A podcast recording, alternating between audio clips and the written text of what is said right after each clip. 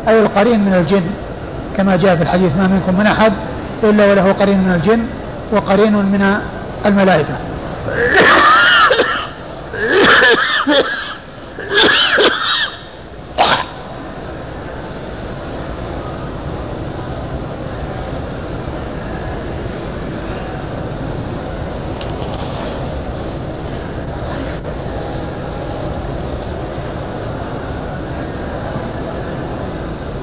أيوه اسناد نعم. قال حدثنا محمد بن العلاء. محمد بن العلاء بن كريب أبو كريب البصري ثقة أخرج أصحاب كتب الستة. عن أبي أسامة. عن أبي أسامة حماد بن أسامة ثقة أخرج أصحاب كتب الستة. عن مجالد. عن مجالد بن سعيد وهو ليس بالقوي أخرج له مسلم وأصحاب وهو ليس السنن. بالقوي أخرج له مسلم وأصحاب السنن. عن أبي الوداك. عن أبي الوداك عن عن عن أبي الوداك وهو جبر بن نوف. جبر جبر بن بن بن بن نوف. جبر بن نوف وهو صدوق يهم أخرج له مسلم وأصحاب السنن صدوق يهم أخرج له مسلم وأصحاب السنن عن أبي سعيد. عن أبي سعيد الخدري سعد بن مالك بن سنان الخدري رضي الله عنه صاحب رسول الله صلى الله عليه وسلم وحديثه آه، وهو أحد السبعة المعروفين بكثرة الحديث عن النبي صلى الله عليه وسلم. والحديث ضعفه الألباني و وصنيع أبي داود في آخر الحديث يعني يشعر أنه ثابت عنده لأنه قال إذا تنازع الخبران نظر إلى ما كان أو إلى ما عمل به أصحاب النبي صلى الله عليه وسلم من بعده. وقد حكى الترمذي وغيره أن أكثر أهل العلم من أصحاب رسول الله صلى الله عليه وسلم أن الصلاة لا يقطعها شيء أن الصلاة لا يقطعها شيء. نعم. قال حدثنا مسدد قال حدثنا عبد الواحد بن زياد قال حدثنا مجالد قال حدثنا أبو الوداك قال مر شاب من قريش بين هذا؟ بين لا النسخة فيها أيدي الله أبي. لا هذه غلط كلمة يعني بين يدي أبي سعيد. مر شاب من قريش كلمة بين الله يدي هذه زائدة. ها؟ كلمة الله هذه زائدة وحتى الهمزة أيدي. بين إيش؟ مكتوب أيدي. لا لا بين يدي. بين يدي أبي سعيد. مر شاب من قريش بين يدي أبي سعيد أبي سعيد الخدري رضي الله عنه وهو يصلي فدفعه ثم عاد فدفعه ثلاث مرات. فلما انصرف قال إن الصلاة لا يقطعها شيء ولكن قال رسول الله صلى الله عليه وآله وسلم ادرأوا ما استطعتم فإنه شيطان. قال أبو داود إذا تنازع الخبران عن رسول الله صلى الله عليه وآله وسلم نظر, نظر إلى ما, ما عمل به ما عمل به أصحابه من بعده. ثم أورد أبو داود حديث أبي سعيد رضي الله عنه أنه مر بين يديه شاب وهو يصلي فدفعه فأراد فدفعه وقال أبو سعيد رضي الله عنه إن الصلاة لا يقطعها شيء ولكن النبي صلى الله عليه وسلم قال ادرأوا فإنه شيطان. يعني ادرأوا من يحاول أن يمر بين يدي المصلي سواء كان إماما أو منفردا فإنه شيطان. وقال يعني أبو سعيد أنه لا يقطع الصلاة شيء. ثم إن أبا داود رحمه الله أتى بهذه الجملة التي هي كونه جاء أخبارا عن رسول الله صلى الله عليه وسلم بأن الصلاة يقطعها المرأة والحمار والكلب ال- الأسود وجاء أحاديث أنه لا يقطعها شيء وقال إذا تنازع الخبران يعني اختلف وتعارض نظر إلى ما عمل به أصحابه من بعده. وأصحاب رسول الله صلى الله عليه وسلم أكثرهم على أن الصلاة لا يقطعها شيء كما حكى ذلك الترمذي وغيره. نعم. قال حدثنا مسدد عن عبد الواحد بن زياد. عبد الواحد بن زياد ثقة أخرج له أصحاب الكتب. نعم. ثقة أخرجه أصحاب الكتب الستة. عن مجالد عن أبي الوداك عن أبي سعيد. وقد مر ذكر الث- الثلاثة. قال رحمه الله تعالى أبواب تفريع استفتاح الصلاة. قال باب رفع اليدين في الصلاة. قال حدثنا أحمد بن محمد بن حنبل. قال حدثنا سفيان عن الزهري عن سالم عن أبيه رضي الله عنه أنه قال رأيت رسول الله صلى الله عليه وآله وسلم إذا استفتح الصلاة رفع يديه حتى يحاذي منكبيه وإذا أراد أن يركع وبعدما يرفع رأسه من الركوع وقال سفيان مرة وإذا رفع رأسه وأكثر ما كان يقول وبعدما يرفع رأسه من الركوع ولا يرفع بين السجدتين. ثم ورد أبو داود هذه الترجمة العامة وهي تفريع أبواب استفتاح الصلاة.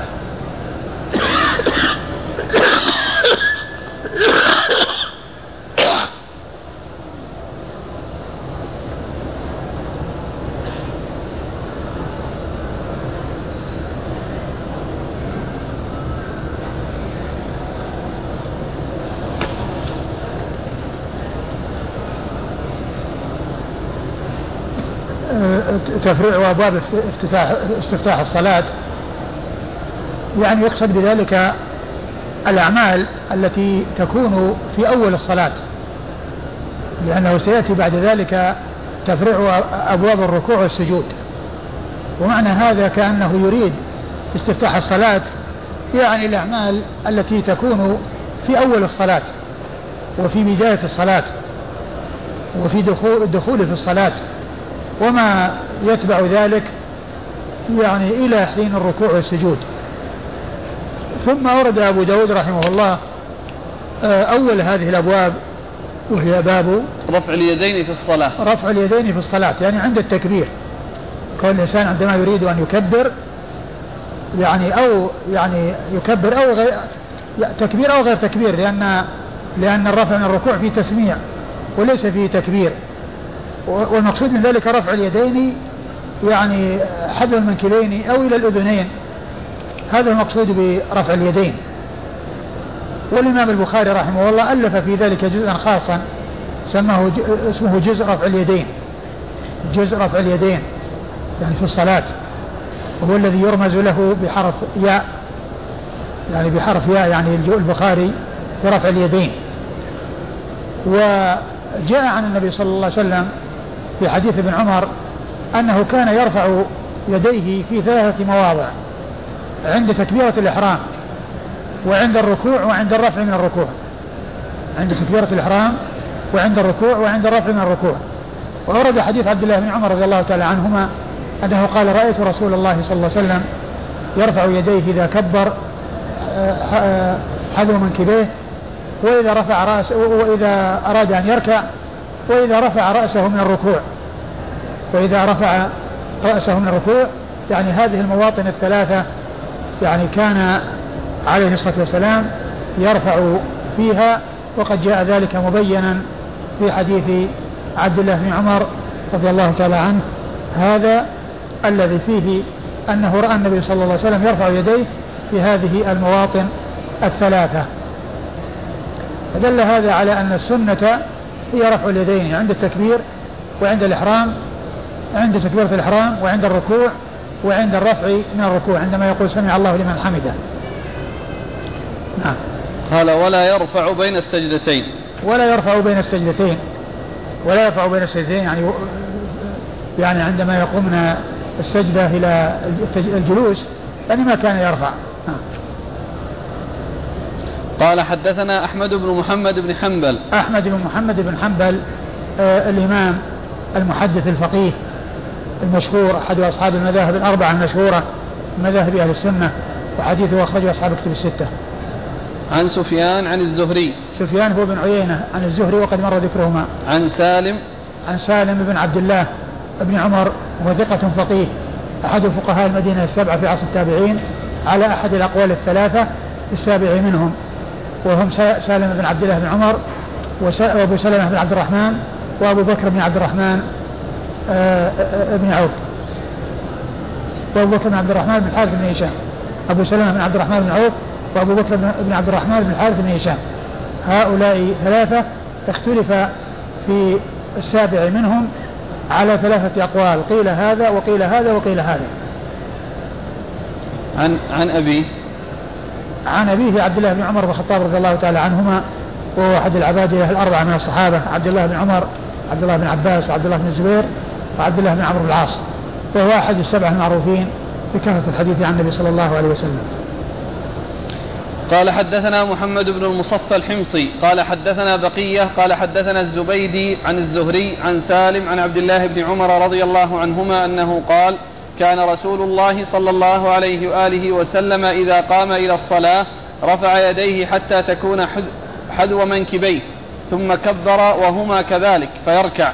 ثم إذا أراد أن يرفع صلبه رفعهما حتى تكون حذو منكبيه. ثم قال سمع الله لمن حمده ولا يرفع يديه في السجود ويرفعهما في كل تكبيرة يكبرها قبل الركوع حتى تنقضي صلاته. ثم ورد أبو داود حديث ابن, ابن عمر رضي الله عنه من طريق أخرى. وفيه ما في الذي قبله أنه يكبر في المواضع الثلاثة عند تكبيرة الإحرام وعند الركوع وعند الرفع من الركوع. وهذا في جميع أحوال الصلاة. تكبيرة الإحرام هذا في أول الصلاة. وعند الركوع والرفع منه في جميع يعني ركعات الصلاة. في جميع ركعات الصلاة يعني يكبر عند الركوع ويكبر عند الرفع من الركوع. قال حدثنا محمد بن المصفى الحمصي. محمد بن المصفى الحمصي وهو صدوق له أوهام أخرج له أبو داود والنسائي بن ماجه. صدوق له أوهام أخرج حديثه مسلم. أبو داود والنسائي. أبو داود والنسائي بن ماجه. عن بقية.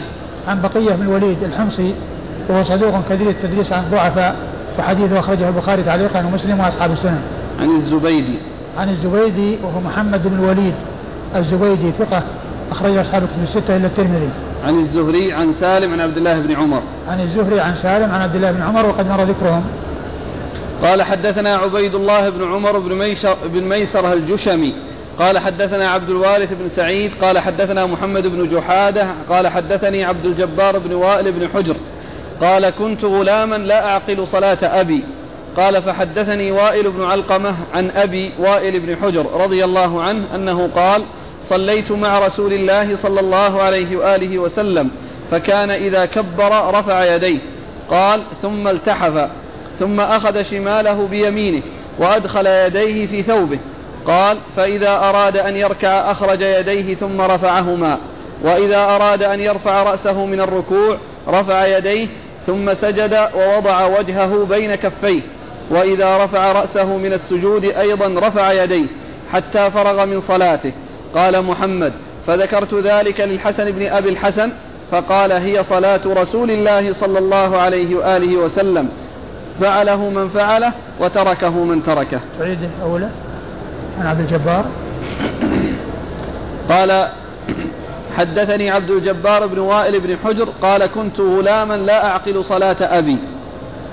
نعم. قال فحدثني وائل بن علقمة عن أبي عن أبي وائل بن حجر رضي الله عنه قال صليت مع رسول الله صلى الله عليه وآله وسلم فكان إذا كبر رفع يديه قال ثم التحف ثم أخذ شماله بيمينه وأدخل يديه في ثوبه قال فإذا أراد أن يركع أخرج يديه ثم رفعهما وإذا أراد أن يرفع رأسه من الركوع رفع يديه ثم سجد ووضع وجهه بين كفيه وإذا رفع رأسه من السجود أيضا رفع يديه. حتى فرغ من صلاته. قال محمد فذكرت ذلك للحسن بن أبي الحسن فقال هي صلاة رسول الله صلى الله عليه وآله وسلم. فعله من فعله وتركه من تركه. قال أبو داود روى هذا الحديث همام عن ابن جحادة لم يذكر الرفع مع الرفع من السجود. ثم ورد أبو داود رحمه الله حديث حديث وائل بن حجر وائل بن حجر رضي الله تعالى عنه وهو مثل الذي قبله في حديث ابن عمر أن النبي صلى الله عليه وسلم كان يرفع آه، يديه عند تكبيرة الإحرام وعند الركوع وعند الرفع من الركوع ثم اختلف عنه في الرفع عند القيام من السجود بين السجدتين. فجاء في يعني بعض الطرق أنه كان يرفع يديه وجاء, وجاء في بعضها أنه لا يرفع يديه. وجاء في حديث آه، ابن عباس المتقدم حديث ابن عمر المتقدم أنه كان لا يرفع يديه بين السجدتين. أنه كان لا يرفع يديه بين السجدتين. أيوة والإسناد؟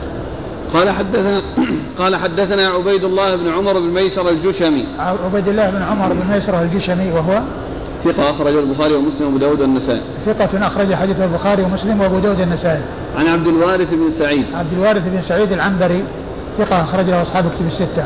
عن محمد بن جحادة. عن محمد بن جحادة ثقة أخرج أصحاب كتب الستة. عن عبد الجبار بن وائل بن حجر. عن عبد الجبار بن وائل بن حجر وهو صدوق. ثقة وهو ثقة أخرج له. مسلم وأصحاب السنة. ثقة أخرج له مسلم وأصحاب السنة. قال عن قال عن آه قال إيش؟ حدثني وائل بن علقمة. يعني قال الحافظ بن حجر الصواب علقمة بن وائل. يعني معناه إنه في قلب وتقديم وتأخير وأن الصواب علقمة ابن وائل الذي هو أخوه الذي هو أخوه. وعبد الجبار لم يسمع من أبيه. وأما محمد بن علقمة وأما علقمة بن وائل فقد ذكر الحافظ أيضا أنه لا يسمع من أبيه في التقريب. ولكن الصحيح أنه سمع من أبيه وجاء ذلك يعني في صحيح مسلم وكذلك في في غيره فسماعه ثابت من أبيه الذي هو علقمة بن وائل. وعلقمة بن وائل ثقة أخرج له؟ لا صدوق. صدوق أخرج له. البخاري في جزء القراءة ومسلم وأصحاب البخاري البخاري في, في رفع اليدين. البخاري في رفع اليدين. ومسلم وأصحاب السنة. ومسلم وأصحاب السنة.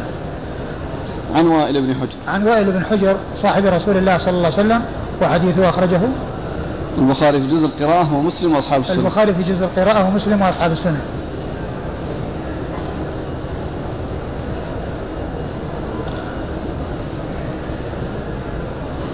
يعني معناه قوله علقمة بن وائل علقمة بن بن بن وائل يعني في تقديم وتأخير قوله وائل بن علقمة. وائل بن علقمة. قال الحافظ بن حجر الصواب علقمة بن وائل يعني أن رواية عن أخيه وليس عن شخص يعني أقل منه الذي هو ابن أخ. ثبت السماع فين يا شيخ في صحيح مسلم من نص عليه؟ نعم. ذكر هذا التهذيب؟ هو في حديث يعني في صحيح مسلم فيه تنصيص يعني في في سماعه في سماعه من أبيه. وكذلك ذكره الحافظ ابن ذكره ذكر ذلك الصنعاني في شرح بلوغ المرام عند زيادة وبركاته في السلام.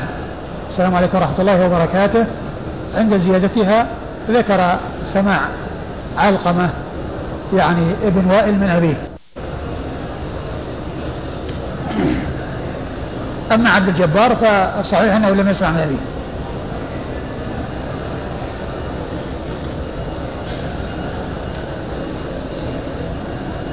قال كان إذا كبر رفع يديه قال ثم التحف. يعني معناه أنه كان في ثوب يعني. يعني معناه أنه يعني يصير الثوب يعني يعني يعني يلتحف به وتكون يديه من داخل. فذكرت قال محمد فذكرت ذلك الحسن بن أبي الحسن فقال هي صلاة رسول الله صلى الله عليه وسلم. فعله من فعله وتركه من تركه. يعني هذا الذي ذكره في الحديث من الرفع في هذه المواطن هذه صلاة رسول الله صلى الله عليه وسلم. قال أبو داود روى هذا الحديث همام عن ابن جحادة. همام بن يحيى ثقة أخرجه أصحابه في الستة. لم يذكر الرفع مع الرفع من السجود. أي نعم لم يذكر الرفع مع الرفع من السجود. وكذلك الحديث الذي سبق أن مر عن ابن عمر فيه أنه ليس فيه الرفع بين السجدتين. قال حدثنا عثمان بن أبي شيبة قال حدثنا عبد الرحيم بن سليمان عن الحسن بن عبيد الله النخعي عن عبد الجبار بن وائل عن أبيه رضي الله عنه أنه أبصر النبي صلى الله عليه وآله وسلم حين قام إلى الصلاة حين قام إلى الصلاة رفع يديه حتى كانتا بحيال منكبيه وحاذا بإبهاميه أذنيه ثم كبر. ثم ورد حديث وائل بن حجر رضي الله تعالى عنه وفيه أنه كان يرفع يديه عند تكبيرة الإحرام. كان يرفع يديه عند تكبيرة الإحرام حتى تكون آه، آه، حذاء منكبيه الحديث يعني فيه انقطاع. يعني كون عبد الجبار يروي عن أبيه ولم يسمع منه ولكن يعني ذلك ثابت في الرواية الأخرى التي مرت وهي رواية عن أخيه علقمة ابن وائل وكذلك أيضا مطابق لما جاء في حديث ابن عمر المتقدم. قال حدثنا عثمان بن أبي شيبة عن عبد الرحيم بن سليمان. عن عبد الرحيم بن سليمان وهو ثقة أخرج له؟ أصحاب الكتب. ثقة أخرج له أصحاب الكتب الستة. عن الحسن بن عبيد الله النخعي. عن الحسن بن عبيد الله النخعي وهو؟ ثقة أخرج له مسلم وأصحاب السنن. وهو ثقة أخرج له مسلم وأصحاب السنن. عن عبد الجبار بن وائل عن أبيه. عن عبد الجبار بن وائل عن أبيه وقد مر ذكرهما. قال حدثنا مسدد قال حدثنا يزيد يعني ابن زريع. قال حدثنا المسعودي. قال حدثني عبد الجبار بن وائل. قال حدثني أهل بيتي عن أبي رضي الله عنه أنه حدثهم أنه رأى رسول الله صلى الله عليه وآله وسلم يرفع يديه مع التكبيرة. ثم ثم أورد أبو داود حديث وائل بن حجر رضي الله عنه أنه قال أنه رأى رسول الله يرفع يديه مع التكبيرة. والمقصود بذلك تكبيرة الإحرام. يعني مثل الذي قبله الحديث الذي قبل هذا أنه حين يريد أن يكبر يعني في الدخول للصلاة فإنه يرفع يديه. والحديث يعني فيه هؤلاء الذين هم أبهموا وهم من أهل بيته. ويمكن أن يكون يعني ذلك المبهم أو من هؤلاء المبهمين أخوه علقمة ابن وائل الذي مر ذكره في الإسناد الذي قبل هذا. والحاصل أن رفع اليدين آه، في التكبير آه، عند التكبير للدخول في الصلاة. هذا ثابت من يعني عن ابن عمر وعن وائل بن حجر وعن غيرهما.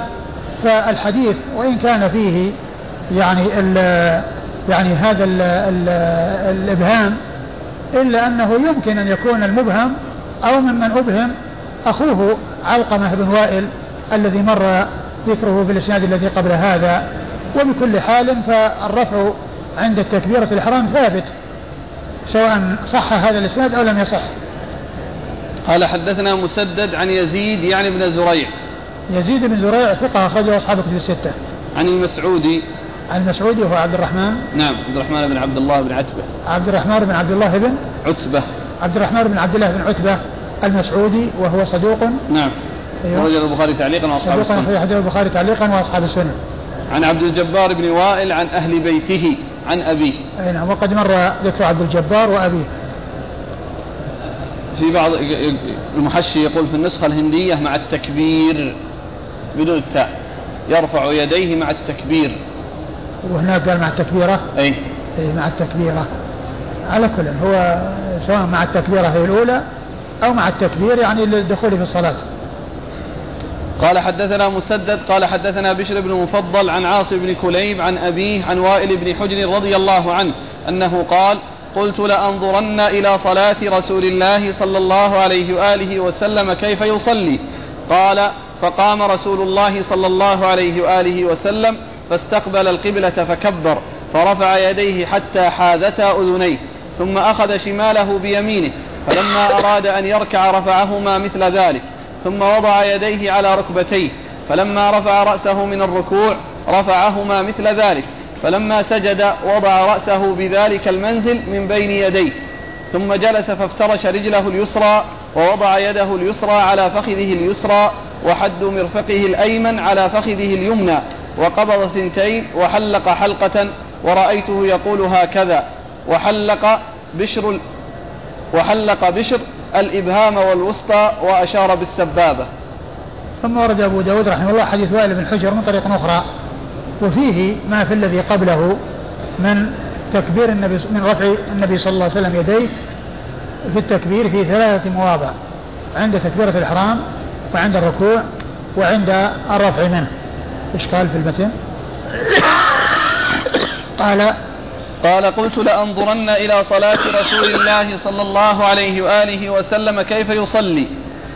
قال فقام رسول الله صلى الله عليه وآله وسلم فاستقبل القبلة فكبر فرفع يديه حتى حاذتا أذنيه.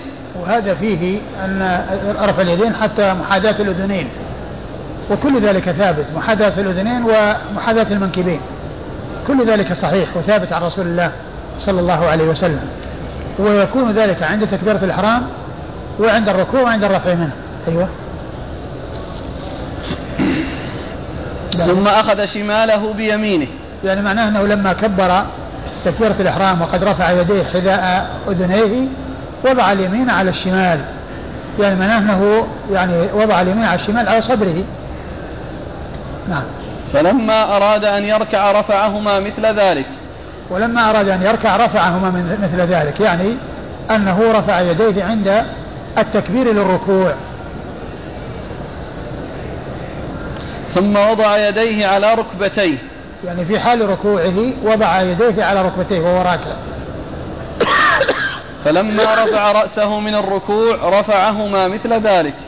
ولما رفع رأسه من الركوع رفعهما أي يديه. مثل ذلك يعني مثل ما تقدم عند تكبيرة الإحرام وعند الركوع رفعهما مثل ذلك. فلما سجد وضع رأسه بذلك المنزل من بين يديه. ولما سجد وضع رأسه يعني بين يديه. يعني معنى اليدين من جهة يد من جهة اليمين يد من جهة الشمال والرأس بينهما.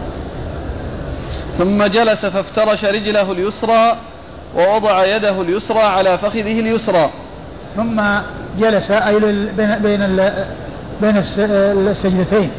فافترش رجله اليسرى يعني أنه يعني جلس عليها وجعل إليته عليها لم يكن على الأرض وإنما كان على رجله اليسرى التي افترشها وهذا يسمى الافتراش وهو يكون في بين السجدتين ويكون في آه، آه، التشهد الأول وكذلك في الصلاة الثنائية كالنوافل وكالجمع والأعياد وغيرها. وأما التورك فإنه لا يكون إلا في الصلاة الرباعية أو الثلاثية ويكون في التشهد الأخير. التورك الذي هو الجلوس على الورك يكون في آه، الصلاة التي هي ثلاثية أو رباعية. ثلاثية وهي المغرب ورباعية وهي الظهر والعصر والعشاء. الظهر والعصر العصر والعشاء يعني آه، آه، هذه الصلوات الأربع في التشهد الأخير يعني منها يتورك. وهنا ذكر الافتراش لأنه بين السجدتين. نعم. ووضع يده اليسرى على فخذه اليسرى. يعني في التشهد بين السجدتين يضع يده اليسرى على فخذه اليسرى. و وحد مرفقه الأيمن على فخذه اليمنى. وحد مرفقه الأيمن على فخذه اليمنى يعني حده يعني طرفه. وقبض ثنتين وحلق حلقة. وقبض ثنتين وحلق حلقة. يعني معناه أنه قبض الخنصر والبنصر وحلق الإبهام مع الوسطى. حلق الإبهام يعني صار حلقة. وجاء عن النبي صلى الله عليه وسلم أنه يقبض الثلاثة دون تحليق. هذا ثابت وهذا ثابت عن رسول الله صلى الله عليه وسلم. ولكن يعني هذا الذي ذكر يعني إنما هو في التشهد في التشهدين وليس بين السيدتين هذه الهيئة التي هي كونه يعني يعني يحلق وكذا وإنما بين السيدتين تكون اليدين على على الفخذين يقول وحلق حلقة ورأيته يقول هكذا وحلق بشر الإبهام والوسطى وأشار بالسبابة. يعني هكذا يشير بالسبابة مع التحريك. نعم. قال حدثنا مسدد عن بشر بن المفضل. بشر بن المفضل ثقة أخرج أصحابه في الستة. عن عاصم بن كليب. عن عاصم بن كليب صدوق أخرج له. البخاري تعليقا ومسلم وأصحاب السنة. البخاري تعليقا ومسلم وأصحاب السنة. عن أبيه. عن أبيه كليب وهو صدوق, صدوق أخرج له. البخاري في رفع اليدين وأصحاب السنة. البخاري في رفع اليدين وأصحاب السنة. عن وائل بن حجر. عن وائل بن حجر وقد مر ذكره.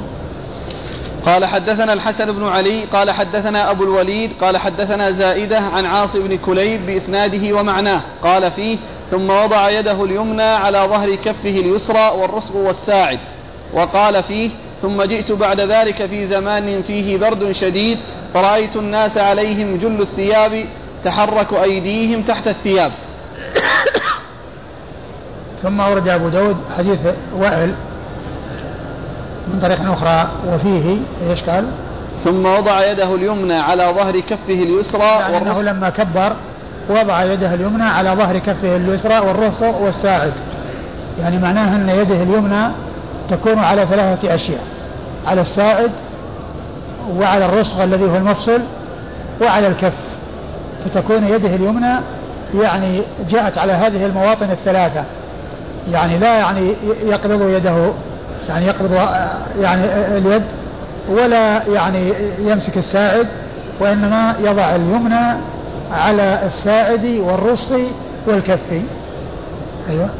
وقال فيه ثم جئت بعد ذلك في زمان فيه برد شديد فرأيت الناس عليهم جل الثياب تحرك أيديهم تحت الثياب. يعني ثم يعني قال جئت بعد ذلك في برد وجدت يعني أيديهم تحت الثياب تتحرك. يعني معناه أنهم يعني يلتحفون بها. قال حدثنا الحسن بن علي. الحسن بن علي الحلواني ثقة. أخرج أصحاب كتب الستة إلى النسائي. عن أبي الوليد. عن أبي الوليد وهو الطيالسي. هشام بن عبد الملك ثقة أخرجه أصحاب كتب الستة. عن زائدة. عن زائدة بن قدامة وهو ثقة أخرجه أصحاب كتب الستة. عن عاصم بن كليب بإسناده. عن عاصم بن كليب عن أبيه عن وائل وقد مر ذكره. قال حدثنا عثمان بن أبي شيبة قال حدثنا شريك عن عاصم بن كليب عن أبيه عن وائل بن حجر رضي الله عنه أنه قال رأيت النبي صلى الله عليه وآله وسلم حين افتتح الصلاة رفع يديه حيال أذنيه. قال ثم أتيتهم فرأيتهم يرفعون أيديهم إلى صدورهم في افتتاح الصلاة وعليهم برانس وأكسية. ثم ورد أبو داود حديث وائل بن حجر وهو مثل الذي قبله. نعم. قال حدثنا عثمان بن أبي شيبة عن شريك. شريك بن عبد الله النخعي الكوفي صدوق كثير الخطأ أخرج حديث البخاري تعليقا مسلم وأصحاب السنن. عن عاصم بن كليب عن أبيه عن وائل بن حجر. وقد مر ذكر الثلاثة. عليهم برانس وأكسية برانس يعني هي التي يغطى بها الرأس وهو الذي متصل بال يعني غطاء الرأس المتصل بالثوب من الخلف. وأكسية يعني ثياب يعني يلتحفون بها من البرد.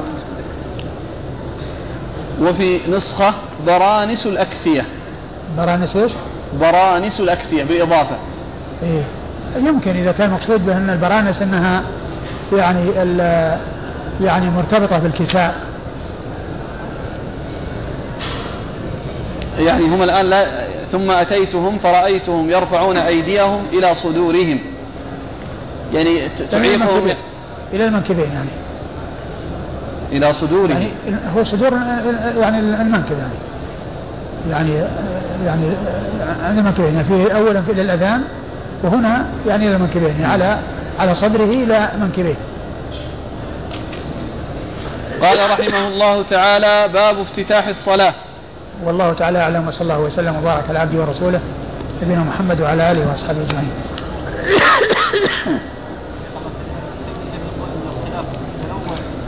شو؟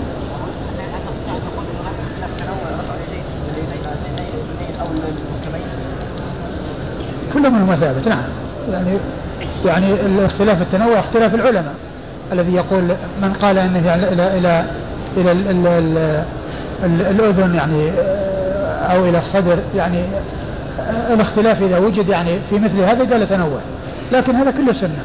لأن هذا ثابت وهذا ثابت. الإنسان يعني يمكن يرفع إلى هذا ويمكن أن يفعل هذا تارة وهذا تارة لأنه كله ثابت عن رسول الله صلى الله عليه وسلم. جزاكم الله خيرا وبارك الله فيكم ونفعنا الله بما قلتم. هذا أرسل فائدة.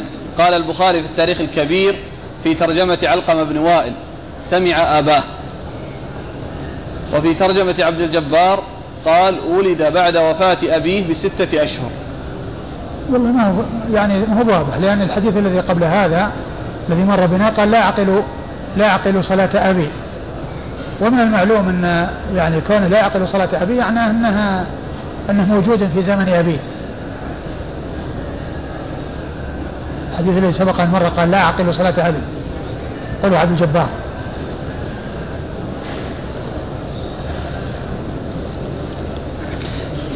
قال يقول السائل اعتاد الناس في بعض البلاد الإسلامية أنهم إذا رأوا واحدا من كبار السن فإنهم ينحنون له. فيما يشبه الركوع ثم يجلس الواحد منهم إذا كان هذا الشيخ الكبير قائما. ثم يجلس؟ نعم. فإذا كان الشيخ قاعدا فإن الواحد منهم يجلس قريبا منه ومنحنيا ويعتبرون ذلك من الاحترام الواجب وبعضهم أيضا يسجد للسلطان. فما حكم هذا العمل؟ أبدا كل هذه الأعمال لا تسوق ولا تجوز كلها حرام ولا يحصل الانحناء لأحد إلا لله عز وجل. كل إنسان يصلي يصلي لله عز وجل في ركوعه وسجوده. وأما يعني فعل ذلك مع المخلوقين فذلك غير سائغ لا انحناء ولا سجود. ما المراد بالميسر والأنصاب والأزلام؟ الميسر والأنصاب والأزلام يعني آه، الأزلام هذا اللي كان يعني آه، يضعون يعني آه، أشياء يعني ثم يعني يستخرج يعني منه. يعني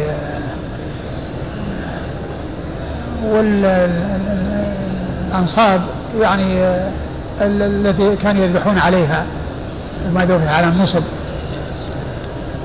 والميسر هو القمار.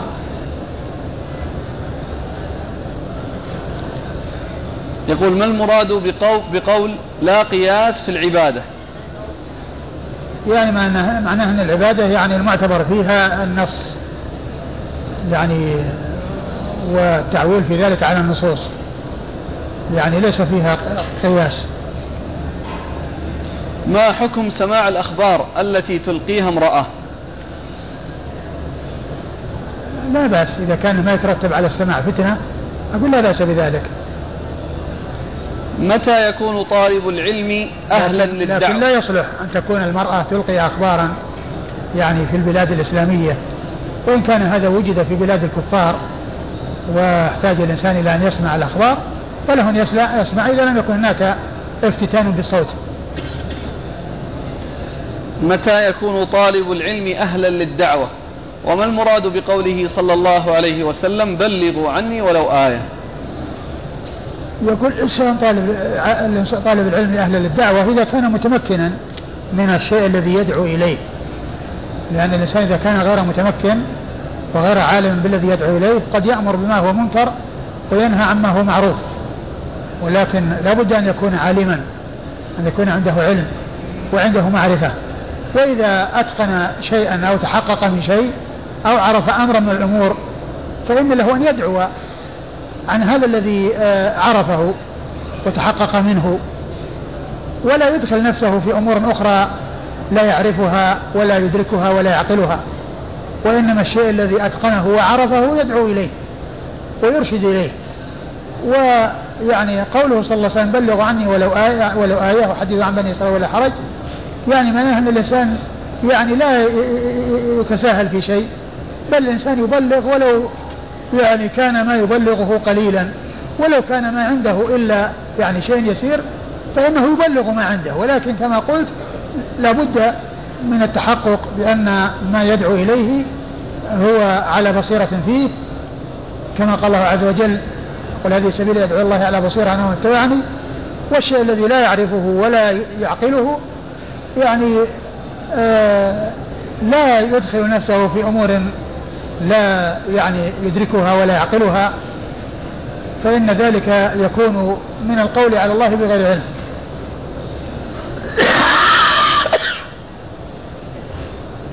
ظهر في بعض البلدان الإسلامية بعض الطوائف الذين يقولون إن القول بأن دية المرأة نصف دية الرجل غير صحيح وأن الأحاديث في ذلك غير صحيحة فما رأيكم؟ هذا كلام غير صحيح. وهذا يعني القول الذي يعني يقوله يعني هؤلاء هذا من التخبط. والعلماء رحمهم الله المشهور عنهم يعني أن دية الرجل على النصف دية المرأة على نصف دية الرجل. وقد جاء في ذلك بعض الأحاديث. وأظن المسألة يعني يعني أظن المسألة فيها إجماع. وقد ذكر ابن القيم أن المرأة على النصف من الرجل في خمسة أشياء في الدية وفي الشهادة وفي العقيقة وفي العتق وفي الميراث. الرواية التي وردت في أبي داود أن ابن عباس ترك الأتان وكان النبي صلى الله عليه وسلم يصلي بمنى وفي رواية النسائي كان يصلي بعرفة فما الجمع؟ آه يمكن يمكن أن يكون إما أن تكون قصتين أو أنها واحدة وهذا هو, هو, هو الأرجح لأنها تكون واحدة ويعني ال ال ال والأرجح أنه أنه في منى لأنه كان جاء في بعض في بعض الروايات أنه يوم النحر ويوم النحر إنما هو في منى صلى الله عليه وسلم. يقول ما قول فضيلتكم في توجيه فعل أبي داود بعدم إخراج حديث ابن عباس أنه عليه الصلاة والسلام صلى في منى إلى غير جدار مع أن أبا داود من منهجه في كتابه أن يسوق أدلة الخصمين. وما التوجيه لهذا الحديث؟ على كل قضية يعني كون المؤلف يعني يلتزم أو يلزم يلتزم بأن يورد كل حديث هذا ليس من شأن المصنفين. يعني لا أبو داود ولا غيره وإنما يجمعون جملة من الأحاديث. وليس المقصود أنهم يجمعون كل الأحاديث. يجمعون كل الأحاديث. وإنما يأتون بجملة من الأحاديث. مثل البخاري ومسلم. لم يلتزم إخراج كل صحيح. لم يخرج كل صحيح ولم يلتزم ذلك. والله تعالى أعلم وصلى الله وسلم وبارك على عبده ورسوله نبينا محمد وعلى آله وأصحابه أجمعين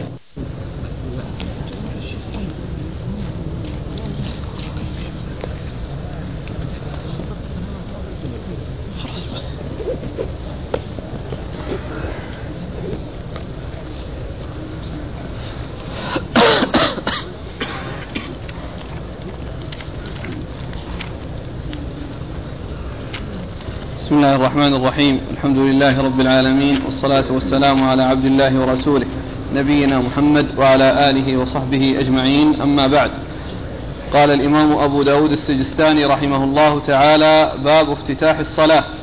قال حدثنا محمد بن سليمان الأنباري قال حدثنا وكيع عن شريك عن عاصم بن كليب عن علقمة بن وائل عن وائل بن حجر رضي الله عنه أنه قال أتيت النبي صلى الله عليه وآله وسلم في الشتاء فرأيت أصحابه يرفعون أيديهم في ثيابهم في الصلاة. بسم الله الرحمن الرحيم. الحمد لله رب العالمين وصلى الله وسلم وبارك على عبده ورسوله نبينا محمد وعلى آله وأصحابه أجمعين. أما بعد يقول الإمام أبو داود السجستاني رحمه الله تعالى باب افتتاح. الصلاة. الترجمة السابقة العامة آه، تفريع أبواب استفتاح الصلاة. والمقصود من ذلك كما أشرت بالأمس هو يعني بيان الأمور التي تتعلق في أول الصلاة. ولكن الأمر لا يقتصر على ذلك لأنه يعني يشمل ذلك ويشمل غيره. وسيأتي فيما بعد هذه الترجمة كما أشرت بالأمس تفريع أبواب الركوع والسجود. وقد اشتملت يعني هذه التراجم التي أوردها أبو داود في أبواب أو تفريع أبواب افتتاح الصلاة ما يتعلق بالركوع والسجود وغير ذلك. ولكن المقصود هو ما يكون في أول الصلاة. وقد يكون الحديث يعني يسوقه وهو مشتمل على ذلك وعلى غيره. فلا يلزم أن يكون كل ما فيه مقصور على استفتاح الصلاة لكن ما فيه مشتمل على استفتاح الصلاة. وقد يكون مع استفتاح الصلاة يعني آه، أشياء أخرى من الأمور من أفعال الصلاة. غير استفتاح الصلاة فيكون تبعا في هذه الترجمة. أورد أبو داود رحمه الله تحت هذه الترجمة وهي آه، افتتاح الصلاة حديث وائل بن حجر رضي الله تعالى عنه أنه قال قال جئت. أتيت النبي صلى الله عليه وسلم في الشتاء فرأيت أصحابه يرفعون أيديهم في ثيابهم في الصلاة. أتيت النبي صلى الله عليه وسلم في الشتاء فرأيت أصحاب رسول الله صلى الله عليه وسلم يرفعون أيديهم تحت ثيابهم في الصلاة. يعني عندما يكبرون يعني لتكبيرة الإحرام والركوع يعني والرفع منه يعني يحركون أيديهم ويرفعونها وهي داخل الثياب. وهي داخل الثياب. والمقصود من ذلك أن الصلاة تفتح تفتتح بالتكبير ويكون التكبير على حسب الحال سواء كان داخل الثياب أو خارج الثياب. نعم. قال حدثنا محمد بن سليمان الأنباري. محمد بن سليمان الأنباري صدوق أخرج حديث أبو داود وحده. عن وكيع. عن وكيع بن الجراح الرؤاسي الكوفي ثقة أخرجه أصحاب الكتب الستة. عن شريك. عن شريك بن عبد الله النخعي الكوفي صدوق كثير الخطأ أخرج حديثه البخاري تعليقا مسلم وأصحاب السنن عن عاصم بن كليب. عن عاصم بن كليب بن شهاب وهو صدوق أخرج حديثه البخاري تعليقا ومسلم وأصحاب السنن. البخاري تعليقا ومسلم وأصحاب السنن. عن أبيه كليب بن شهاب. لا. عن أبيه؟ لا هنا ما في. آه. عن علقمة. عن علقمة بن وائل. عن علقمة بن وائل بن حجر. وهو صدوق أخرج حديثه. البخاري في رفع رفع اليدين ومسلم وأصحاب السنن. البخاري في رفع اليدين ومسلم وأصحاب السنن. عن أبيه وائل. عن؟ عن أبيه وائل. عن أبيه عن عن أبيه وائل بن حجر. صاحب رسول الله صلى الله عليه وسلم وحديثه أخرجه البخاري في جزء القراءة ومسلم وأصحاب السنن قال حدثنا أحمد بن حنبل قال حدثنا أبو عاصم الضحاك بن مخلد قال حا وحدثنا مسدد. قال حدثنا يحيى وهذا حديث أحمد. قال أخبرنا عبد الحميد يعني ابن جعفر قال أخبرني محمد بن عمرو بن عطاء قال سمعت أبا حميد الساعدي رضي الله عنه في عشرة من أصحاب رسول الله صلى الله عليه وآله وسلم منهم أبو قتادة رضي الله عنه. قال أبو حميد أنا أعلمكم بصلاة رسول الله صلى الله عليه وآله وسلم. قالوا فلم؟ فوالله ما كنت بأكثرنا له تبعة ولا أقدمنا له صحبة. قال بلى. قالوا فاعرض. قال كان رسول الله صلى الله عليه وآله وسلم إذا قام إلى الصلاة يرفع يديه حتى يحاذي بهما منكبيه ثم يكبر حتى يقر كل عظم في موضعه معتدلا ثم يقرأ ثم يكبر فيرفع يديه حتى يحاذي بهما منكبيه ثم يركع ويضع راحتيه على ركبتيه ثم يعتدل فلا يص يصب فلا يص- يصوب أو يصب أو يعني يعني هو معناه أنه يخفض. يعني جاء يصب. بألفاظ جاء بألفاظ مختلفة. يصبي ويصوب. و فلا إيش فلا؟ فلا يص- يصب رأسه ولا يقنع. فلا يصب. نعم. فلا يصب. نعم. يصب. نعم. أيوه. فلا يصب رأسه ولا يقنع. ثم يرفع رأسه فيقول سمع الله لمن حمده. ثم يرفع يديه حتى يحاذي بهما منكبيه معتدلا. ثم يقول الله أكبر. ثم يهوي إلى الأرض فيجافي يديه عن جنبيه. ثم يرفع رأسه ويثني رجله اليسرى فيقعد عليها. ويفتح أصابع, أصابع رجليه إذا سجد ويسجد. ثم يقول الله أكبر. ويرفع رأسه ويثني رجله. ويثني رجله ويثني رجله اليسرى فيقعد عليها حتى يرجع كل عظم إلى موضعه. ثم يصنع في الأخرى مثل ذلك. ثم إذا قام من الركعتين كبر ورفع يديه حتى يحاذي بهما منكبيه كما كبر عند افتتاح الصلاة. ثم يصنع ذلك في بقية صلاته. حتى إذا كانت السجدة التي فيها التسليم أخر رجله اليسرى وقعد متوركا على شقه الأيسر. قالوا صدقت. هكذا كان يصلي صلى الله عليه وآله وسلم. ثم ورد أبو داود حديث أبي حميد الساعدي رضي الله عنه أنه كان في جماعة من أصحاب رسول الله صلى الله عليه وسلم يعني قدرهم عشرة أشخاص من أصحاب النبي صلى الله عليه وسلم فقال أبو حميد أنا أعلمكم بصلاة رسول الله صلى الله عليه وسلم. وهذا فيه جواز مدح الإنسان نفسه لي يعني ليؤخذ عنه العلم وليحرص على أخذ ما عنده. هذا هو مقصود أصحاب رسول الله صلى الله عليه وسلم من ذكر مثل هذا الكلام وأنهم يريدون أن آه، يؤخذ ما عندهم وأن يهتم بالأخذ بأخذ ما عندهم حتى يعرف الآخذون عنهم سنة رسول الله صلى الله عليه وسلم فيعملون بها. وفي ذلك آه، تحقيق وتطبيق لقول الرسول صلى الله عليه وسلم نبر الله امرأ سمع مقالتي فوعاها وأداها كما سمعها ورب مبلغ أو عام سامع ورب حامل فقه إلى من هو أفقه منه. فكان أصحاب رسول الله صلى الله عليه وسلم ورضي الله عنهم وأرضاهم كانوا حريصين على الأخذ عن رسول الله عليه الصلاة والسلام وكانوا أيضا حريصين على أن يؤخذ عنهم العلم. وأن تتلقى عنهم السنن ويأتون بالكلام الذي يرغب في ذلك والذي يحفز الهمم على تلقي الحديث عنهم كما فعل أبو حميد رضي الله عنه حيث قال, حيث قال أنا أعلمكم بصلاة رسول الله صلى الله عليه وسلم. يريد من ذلك أن يستعد ويتهيأ وأن يعتنى بأخذ ما عنده لأنه يتحدث عن علم وعن بصيرة وعن معرفة تامة حيث قال أنا أعلمكم بصلاة رسول الله صلى الله عليه وسلم. فكان من الحاضرين أن قالوا ولم ذلك؟ لست أكثرنا له صحبة ولا أكثرنا له اتباعا. فقال آه فقالوا اعرض علينا اعرض علينا ما عندك.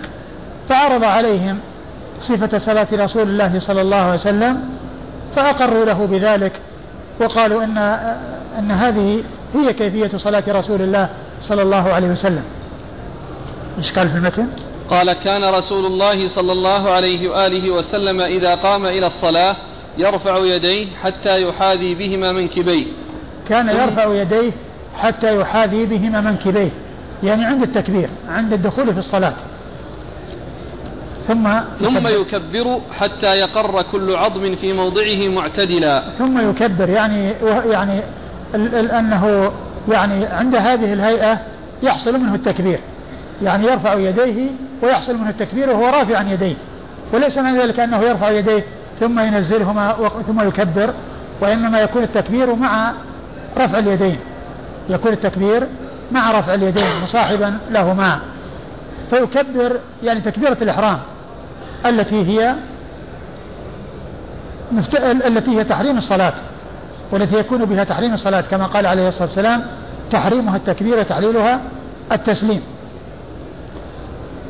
كان إيش؟ ثم يكبر وإيش؟ حتى يقر كل عظم في موضعه معتدلا ثم يقرأ. يعني أن آه، أنه يكبر يعني وهو يعني قد رفع يديه حتى يقر كل عظم في يعني موضعه ثم يبدأ بالقراءة. يعني أنه عندما يرفع يعني وبعد ذلك يضع يديه ويكون استقر كل شيء على يعني على ما هو عليه عند ذلك يبدأ بالقراءة. ثم يقرأ. نعم. ثم يكبر فيرفع يديه حتى يحاذي بهما منكبيه.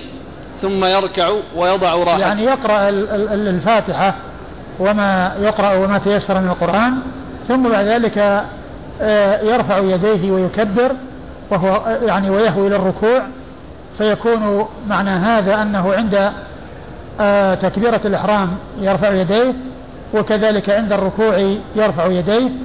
نعم. ثم يركع ويضع راحتيه على ركبتيه. يعني وإذا ركع وضع راحتيه على ركبتيه. يعني في حال ركوعه يضع راحتيه على ركبتيه. ثم يعتدل. فلا يصب رأسه ولا يقنع.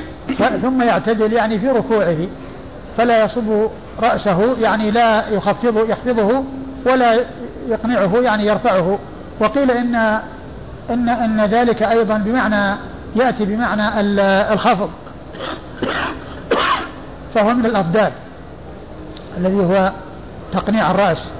يعني آه، يطلق على الرفع وعلى الخفض. وأما يصب رأسه أو يصوب رأسه أو يصبي أو يصبي رأسه كما جاء في بعض الألفاظ فإن المقصود به الخفض.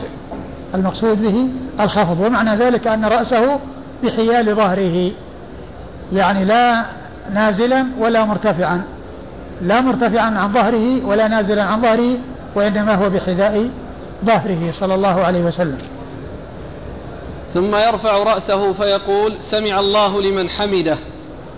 ثم يرفع يديه حتى يحاذي بهما منكبيه معتدلا. يعني ويرفع من الركوع ويقول سمع الله لمن حمده ويرفع يديه يعني مع ذلك عند عند ما يعني يقوم. فيكون بهذا جاء الرفع في ثلاثة مواضع.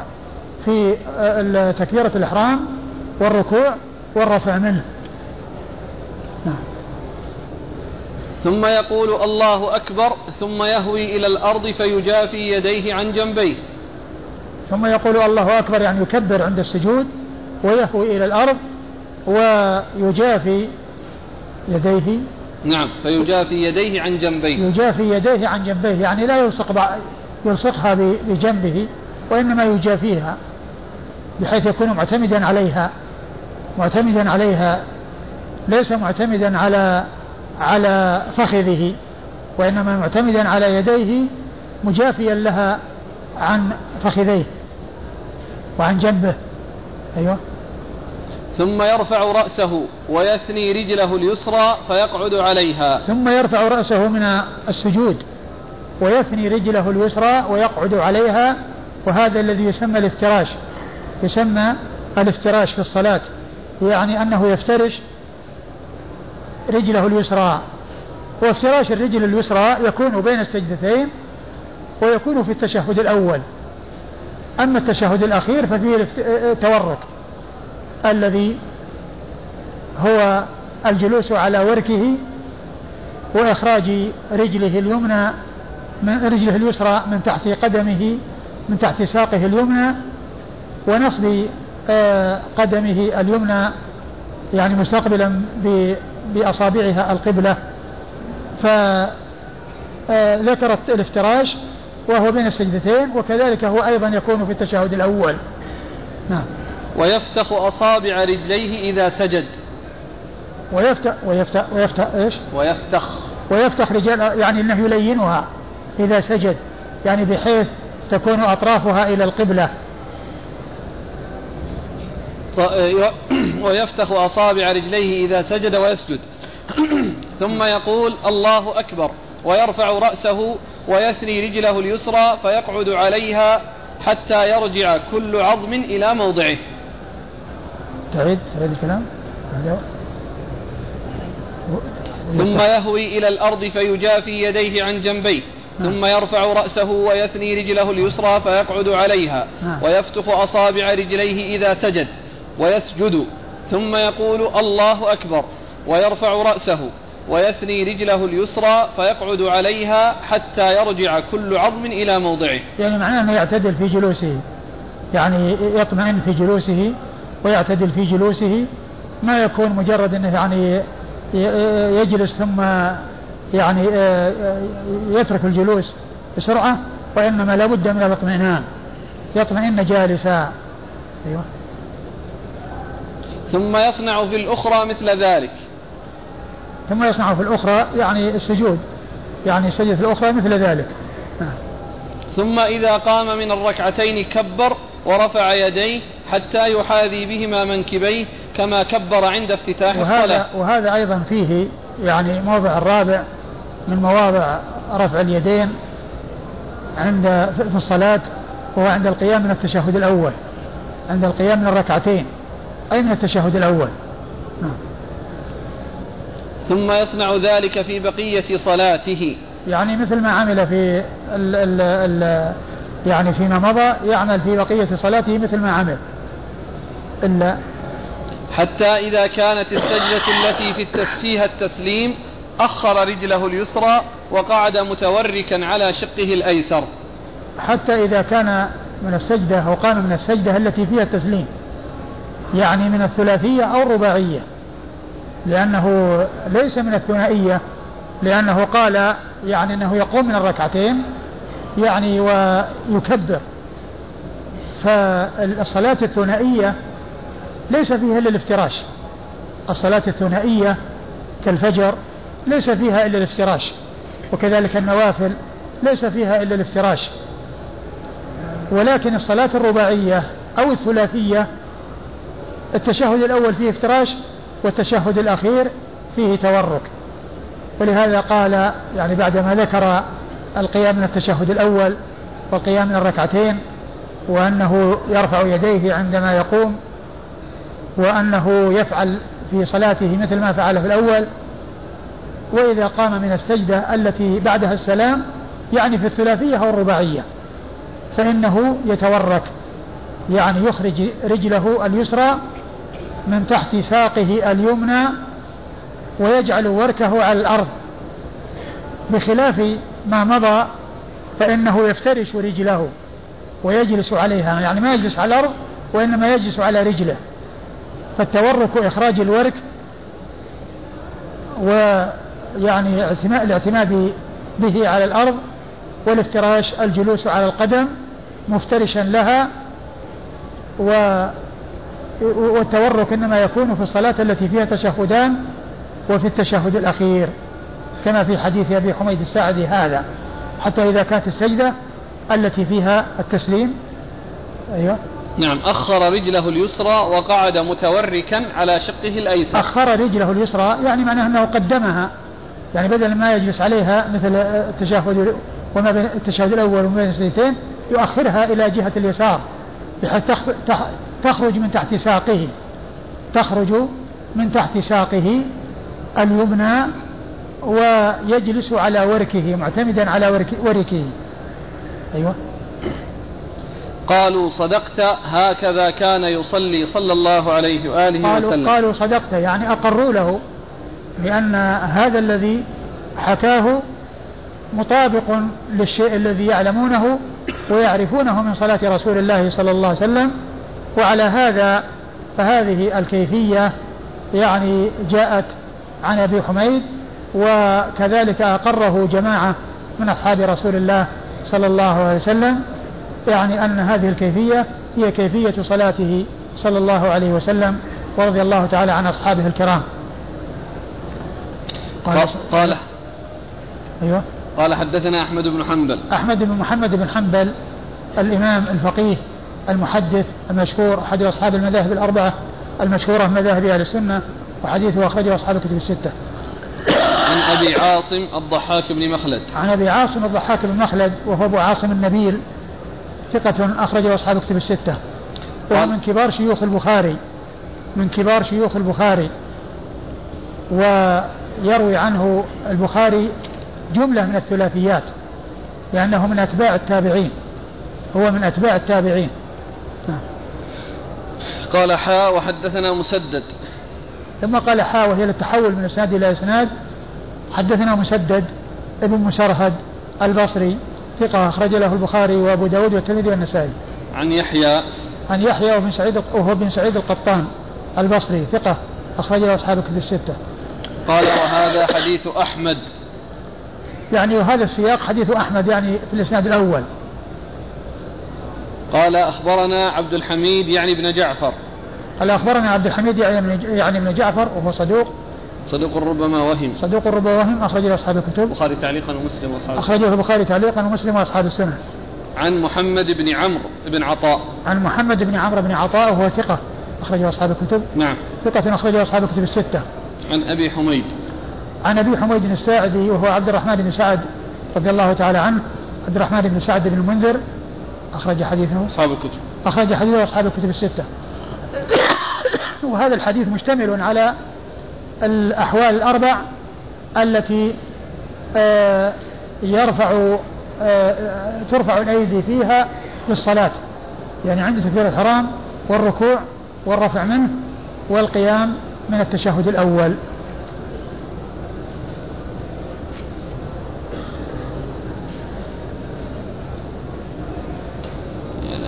أبو حميد اسمه عبد الرحمن يعني المسألة هذا الراجح فيه ولا كيف؟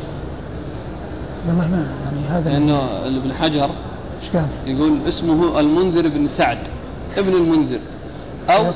ابن مالك وقيل اسمه عبد الرحمن وقيل عمرو شهد أحدا وما بعدها وعاش إلى أيوه. أول يعني معناه مختلف في اسمه فلذلك أخره إلى الكنى ما ذكر له يعني ترجمة في الأسماء إيه. اختلاف نعم. إيه عمرو في النسخة اللي مع في النسخة اللي مع الإخوان عمر محمد بن عمر بن عطاء. لا محمد بن عمرو. محمد بن عمرو. سيأتي يعني في عدة مواضع محمد بن عمرو. قال حدثنا قتيبة بن سعيد قال حدثنا ابن لهيعة عن يزيد يعني ابن أبي حبيب عن محمد بن عمرو بن حلحلة عن محمد بن عمرو العامري أنه قال كنت في مجلس من أصحاب رسول الله صلى الله عليه وآله وسلم فتذاكروا صلاة رسول الله صلى الله عليه وآله وسلم فقال أبو حميد رضي الله عنه فذكر بعض هذا الحديث وقال فإذا ركع أمكن كفيه من ركبتيه وفرج بين أصابعه ثم هصر ظهره غير مقنع رأسه ولا صافح بخده وقال فإذا قعد في الركعتين قعد على بطن قدمه اليسرى ونصب اليمنى فإذا كان في الرابعة أفضى بوركه اليسرى إلى الأرض وأخرج قدم قدميه من ناحية واحدة. ثم أورد أبو داود رحمه الله حديث أبي حميد من طريق أخرى وهو مثل الذي قبله إلا أنه أخصر يعني مما تقدم. إيش قال؟ قال فإذا ركع أمكن كفيه من ركبتيه وفرج بين أصابعه. أمكن كفيه يعني أنه وضع يعني كفيه على ركبتيه وفرج بين أصابعه. نعم. ثم هصر ظهره. وهصر ظهره يعني معناه أنه يعني خفضه حتى يكون مساويا لرأسه أو رأسه مساويا لظهره. غير مقنع رأسه ولا صافح بخده.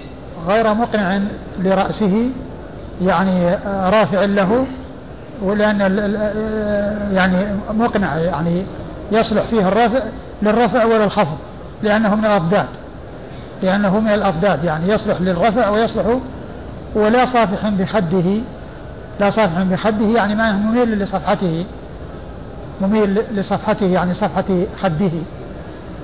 يعني معناها أنها يعني آه، رأسه يعني مستقيم يعني ليس يعني مائلا. يعني بحيث يعني تكون صفحة يعني نازلة وصفحة يعني مرتفعة. وقال فإذا قعد في الركعتين قعد على بطن قدمه اليسرى ونصب اليمنى. فإذا قعد في الركعتين يعني في التشهد الأول يعني جلس مفترشا.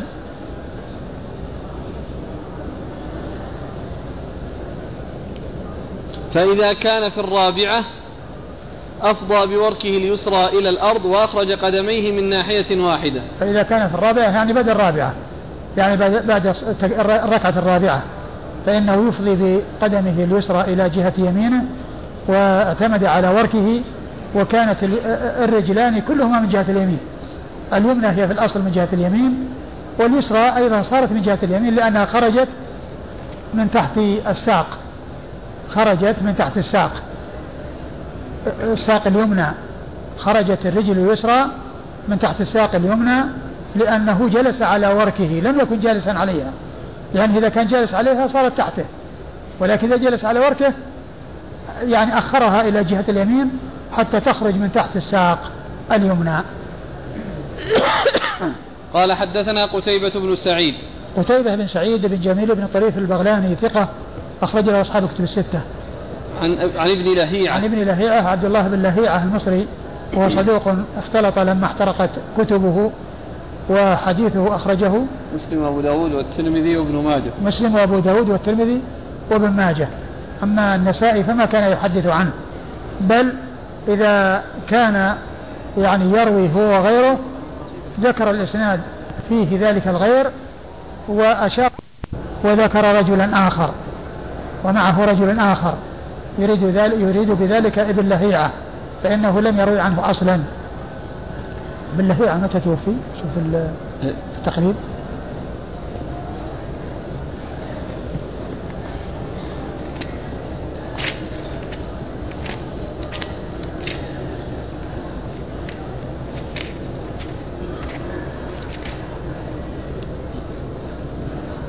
مات سنة أربع وسبعين. وقد مات سنة أربع وسبعين. وقد ناف على الثمانين. إيه، يعني يعني معناه أن قتيبة بن سعيد أدركه إدراكا بينا لأن قتيبة هو سنة خمسين. يعني معناه أنه لما مات عمر قتيبة 24 سنة. ويعني ولهذا يعني قالوا إن رواية العبادلة يعني عن عبد الله بن مبارك وعبد الله بن بن وهب أنها أمثل من غيرها. يعني لكن آه، قتيبة كان من المعمرين ولهذا أدرك من أدركه من كان فوقه في الطبقة كعبد الله بن المبارك وعبد الله بن وهب وغيرهم. ولهذا يروي آه، قتيبة عن عن مالك ويروي عن الثوري. نعم. يقول الأخ أن الشيخ الألباني حفظه الله في السلسلة. الجزء السادس يقول أن قتيبة روى عن أبي لهيعة قبل الاختلاط. قبل الاختلاط؟ مم. لأن من على هذا؟ روايته أنها ما فيها شيء أنها سليمة. عن يزيد يعني ابن أبي حبيب. عن يزيد يعني بن أبي حبيب وهو ثقة يعني يرسل ويدلس وحديثه أخرجه أصحاب كتب الستة. عن محمد بن عمرو بن حلحلة.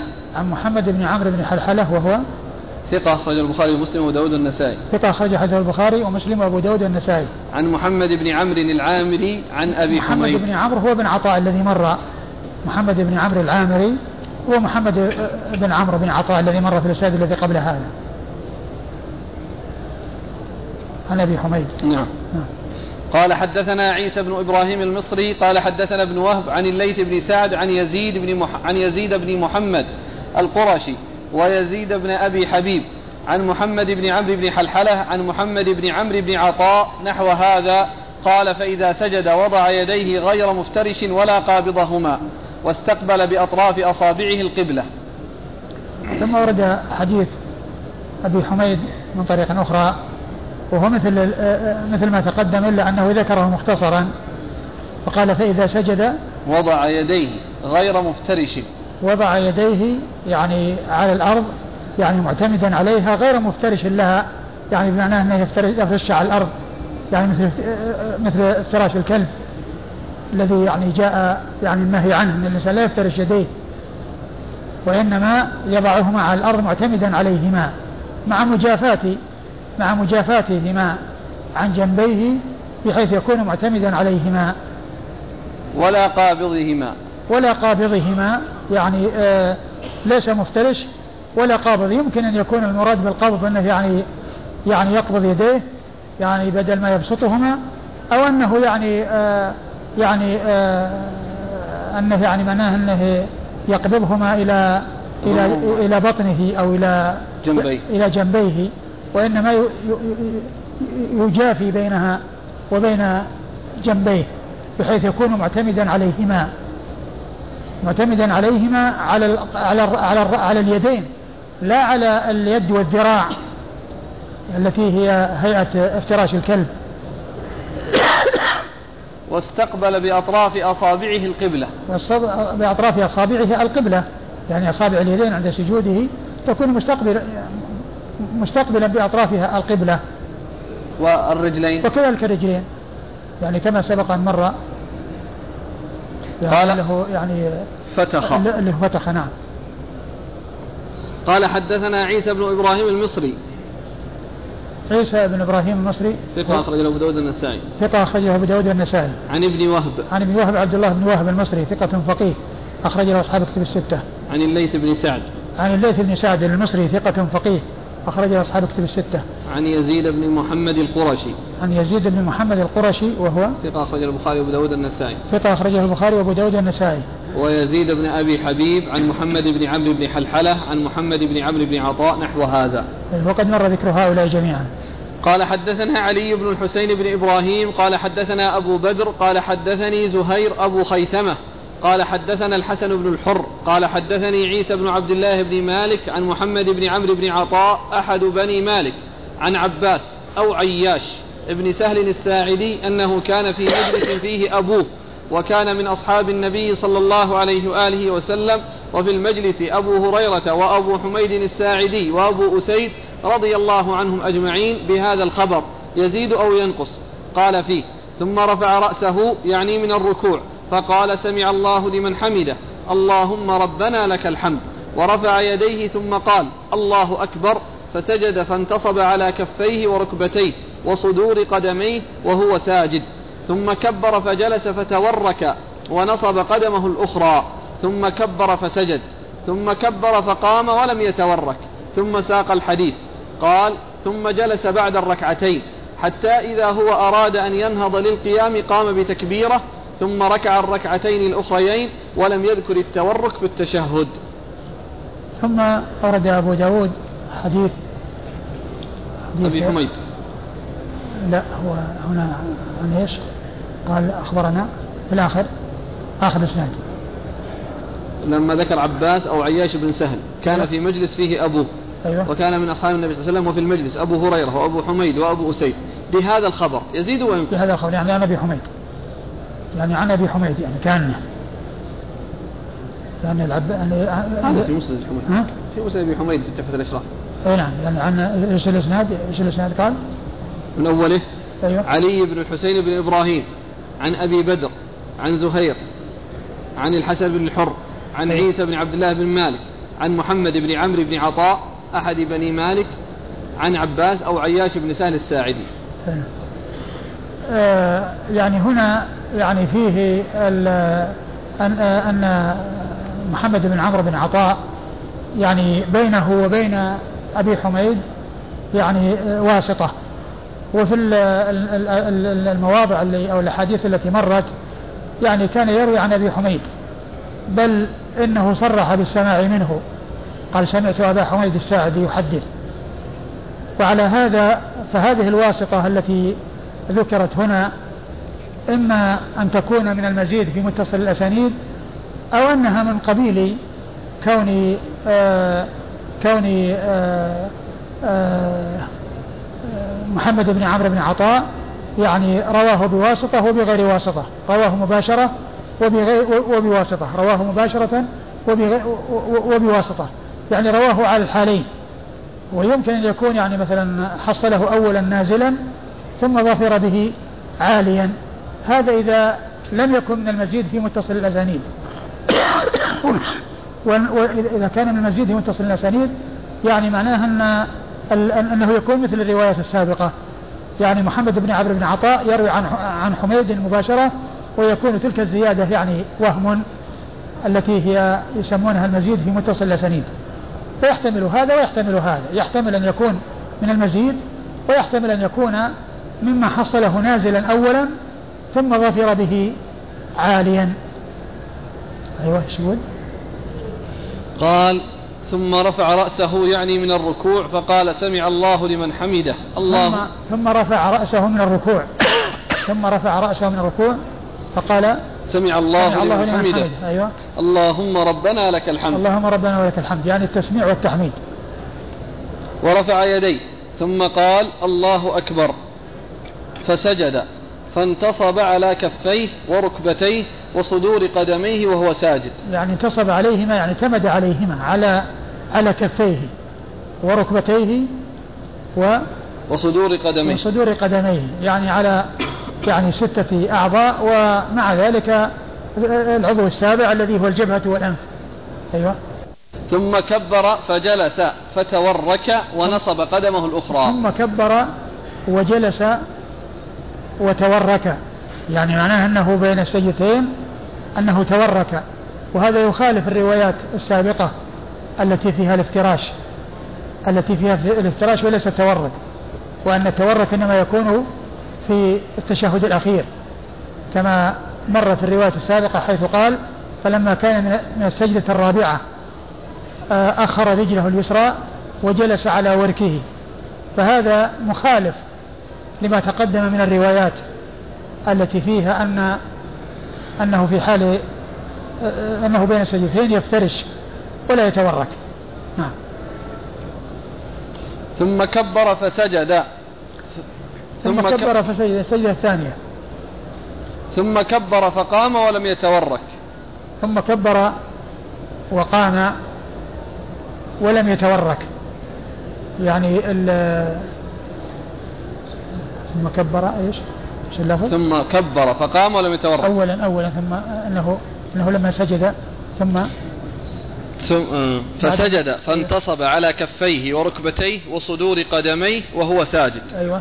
ثم كبر فجلس فتورك ونصب قدمه الأخرى. أيوة. ثم كبر فسجد. السجدة الثانية. ثم كبر فقام ولم يتورك. ثم كبر وقام ولم يتورك يعني يتورك يعني معنى أنه ما جلس على يعني لكن جاء في بعض الروايات أو بعض الأحاديث أن فيه الجلسة التي جلسة جلسة جلسة الاستراحة يسمونها جلسة الاستراحة وهي بعد بعد بعد بعد وتر بعد الوتر الصلاة يعني بعد بعد الأولى أو بعد الثالثة. بعد الأولى وبعد الثالثة يعني بعد وتر. فإذا كان قوله ولم يتورك عن أنه يعني هذه يعني جلسة استراحة يعني بعد الجلوس يعني بعد السجود أنه يعني ولم يتورك إذا كان يقصد الاستراحة. لأن لأن الآن لا يزال يعني في الركعة الأولى. ومن المعلوم أنه يعني ليس هناك بعد الأولى إلا جلسة جلسة الاستراحة. ما في جلوس في تورك لأن التشهد ما جاء حتى الآن. نعم. قال ثم ساق الحديث قال ثم جلس بعد الركعتين حتى إذا هو أراد أن ينهض للقيام قام بتكبيرة.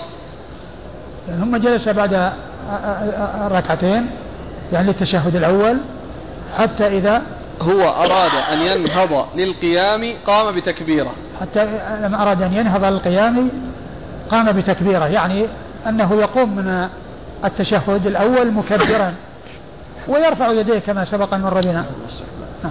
ثم ركع الركعتين الأخريين ولم يذكر التورك في التشهد. ثم ذكر الركعتين الأخريين ولم يذكر التورك في التشهد يعني التشهد الأخير لعله. التشهد الأخير. وكذلك في التشهد الأول ما ذكر شيء فيما مضى. ولكن التورك هو ثابت في التشهد الأخير والافتراش في التشهد الأول وبين السجدتين. بين السجدتين وفي التشهد الأول والتورك إنما هو في التشهد الأخير. نعم. قال حدثنا علي بن الحسين بن إبراهيم.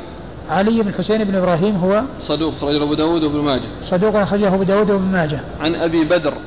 عن أبي بدر وهو شجاع. شجاع بن الوليد السكوني. شجاع بن ابن الوليد السكوني.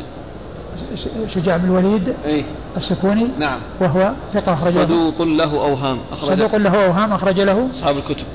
أخرج له أصحاب الكتب الستة. عن زهير أبي خيثمة. عن زهير بن معاوية أبو خيثمة ثقة أخرج له أصحاب الكتب الستة. عن الحسن بن الحر. عن الحسن بن الحر وهو ثقة أخرجه أبو داود النسائي. ثقة أخرجه أبو داود النسائي. عن عيسى بن عبد الله بن مالك. عن عيسى بن عبد الله بن مالك وهو مقبول. وهو مقبول. أخرجه أبو داود والنسائي بن ماجه. أخرج حديث أبو داود والنسائي وابن ماجه. عن محمد بن عمرو بن عطاء أحد أحد أحد بني مالك عن عباس أو عياش بن سهل الساعدي. آه، محمد بن عمرو بن عطاء مر ذكره عن عباس أو عياش ابن بن سهل. بن سهل الساعدي وهو ثقة أخرج له أصحاب الكتب إلا النسائي. وهو ثقة أخرجه أصحاب الكتب الستة إلا النسائي. يعني وفيه يعني آه آه ذلك المقبول. من هو؟ عيسى؟ إيه عيسى بن عبد الله بن عيسى بن عبد الله. يعني ذلك المقبول. يعني ففي يعني ما وافق الروايات السابقة. يعني آه، يكون له شواهد وما كان مخالفا لها. يعني لا لا, لا يعول عليه مثل ذكر التورك بين السجدتين. نعم. قال حدثنا أحمد بن حنبل قال حدثنا عبد الملك بن عمرو قال أخبرني فليح. قال حدثني عباس بن سهل قال اجتمع أبو حميد وأبو أسيد وسهل بن سعد ومحمد بن مسلمة رضي الله عنهم أجمعين فذكروا صلاة رسول الله صلى الله عليه وآله وسلم. فقال أبو حميد أنا أعلمكم بصلاة رسول الله صلى الله عليه وآله وسلم فذكر بعض هذا. قال ثم ركع فوضع يديه على ركبتيه كأنه قابض عليهما ووتر يديه فتجافى عن جنبيه. قال ثم سجد فأمكن أنفه وجبهته ونحى يديه عن جنبيه ووضع كفيه حذو منكبيه ثم رفع رأسه حتى رجع كل عظم في موضعه حتى فرغ ثم جلس فافترش رجله اليسرى وأقبل بصدر اليمنى على قبلته ووضع كفه اليمنى على ركبته اليمنى وكفه اليسرى على ركبته اليسرى وأشار بإصبعه. قال أبو داود روى هذا الحديث عتبة بن أبي حكيم عن عبد الله بن عيسى عن العباس بن سهل لم يذكر التورك وذكر نحو حديث فليح وذكر الحسن بن الحر نحو جلسة نحو جلسة حديث فليح وعتبة. تعيد المتن قال أبو حميد أنا أعلمكم بصلاة رسول الله صلى الله عليه وآله وسلم فذكر بعض هذا. قال ثم ركع فوضع يديه على ركبتيه كأنه قابض عليهما. وضع يديه على ركبتيه كأنه قابض عليه يعني كأنه ماسكهما. أيوة. ووتر, ج... ووتر يديه. يعني جعلهما يعني كالوتر يعني فيه ميلان. يعني ليس يعني ليس ملصق ملصقا إياها على بطنه أو على فخذيه وإنما يعني مجافيا لهما. نعم. فتجافى عن جنبيه. نعم هذا هو. وترى يعني تجافى عن جنبيه.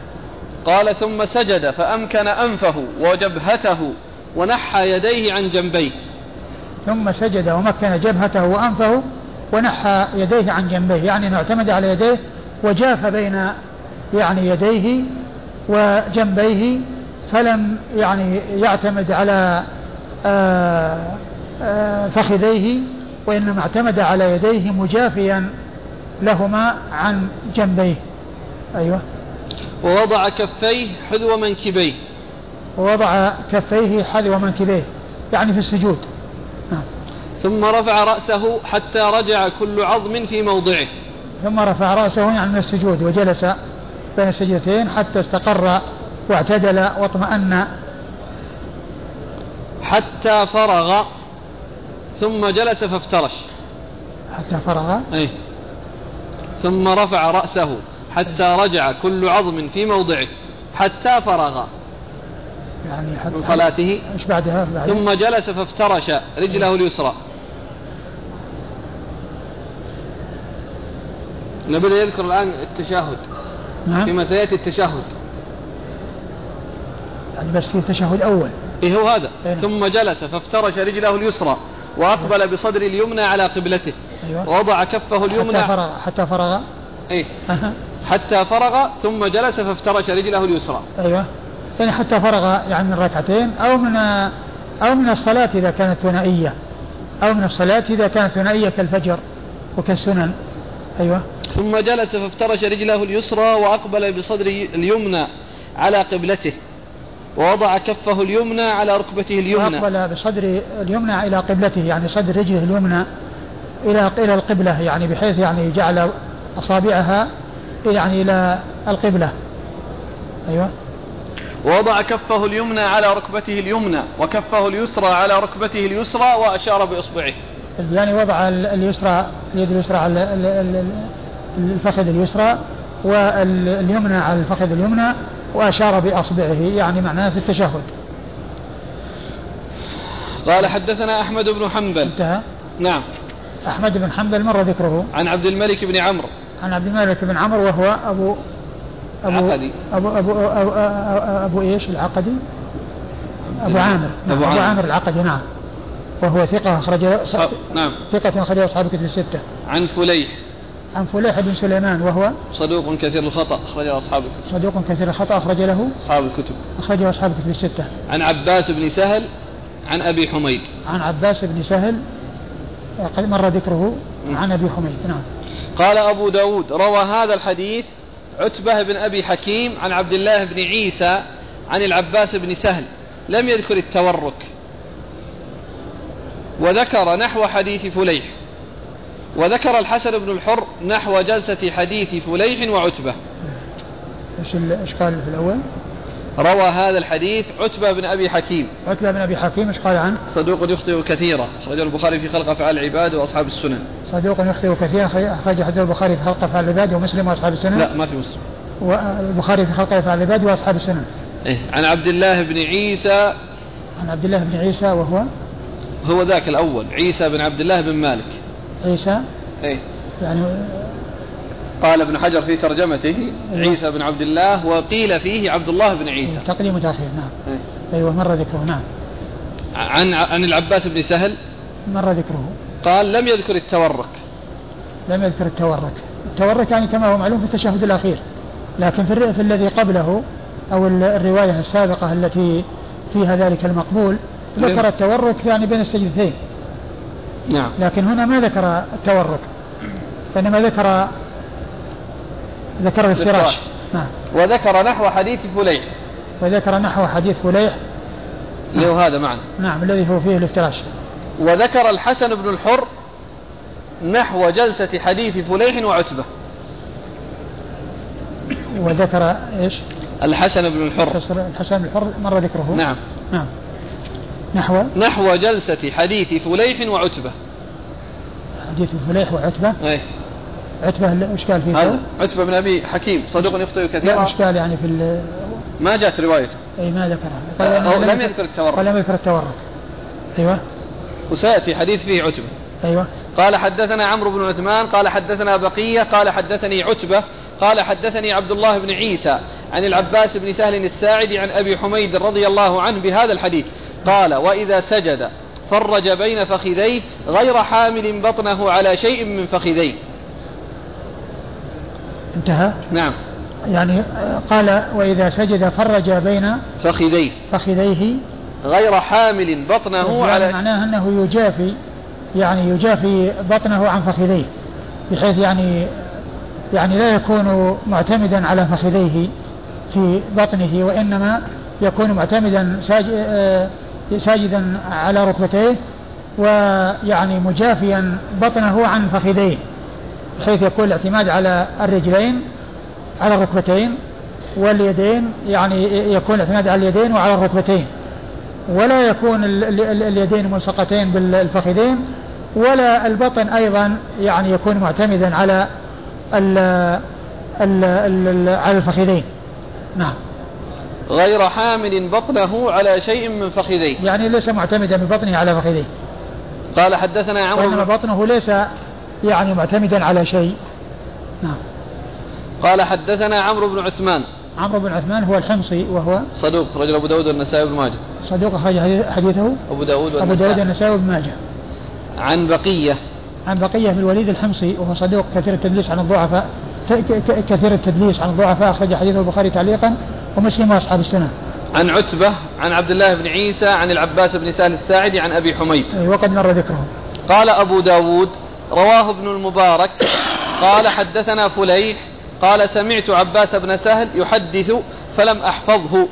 فحدثني. أراه ذكر عيسى بن عبد الله أنه سمعه من عباس بن سهل.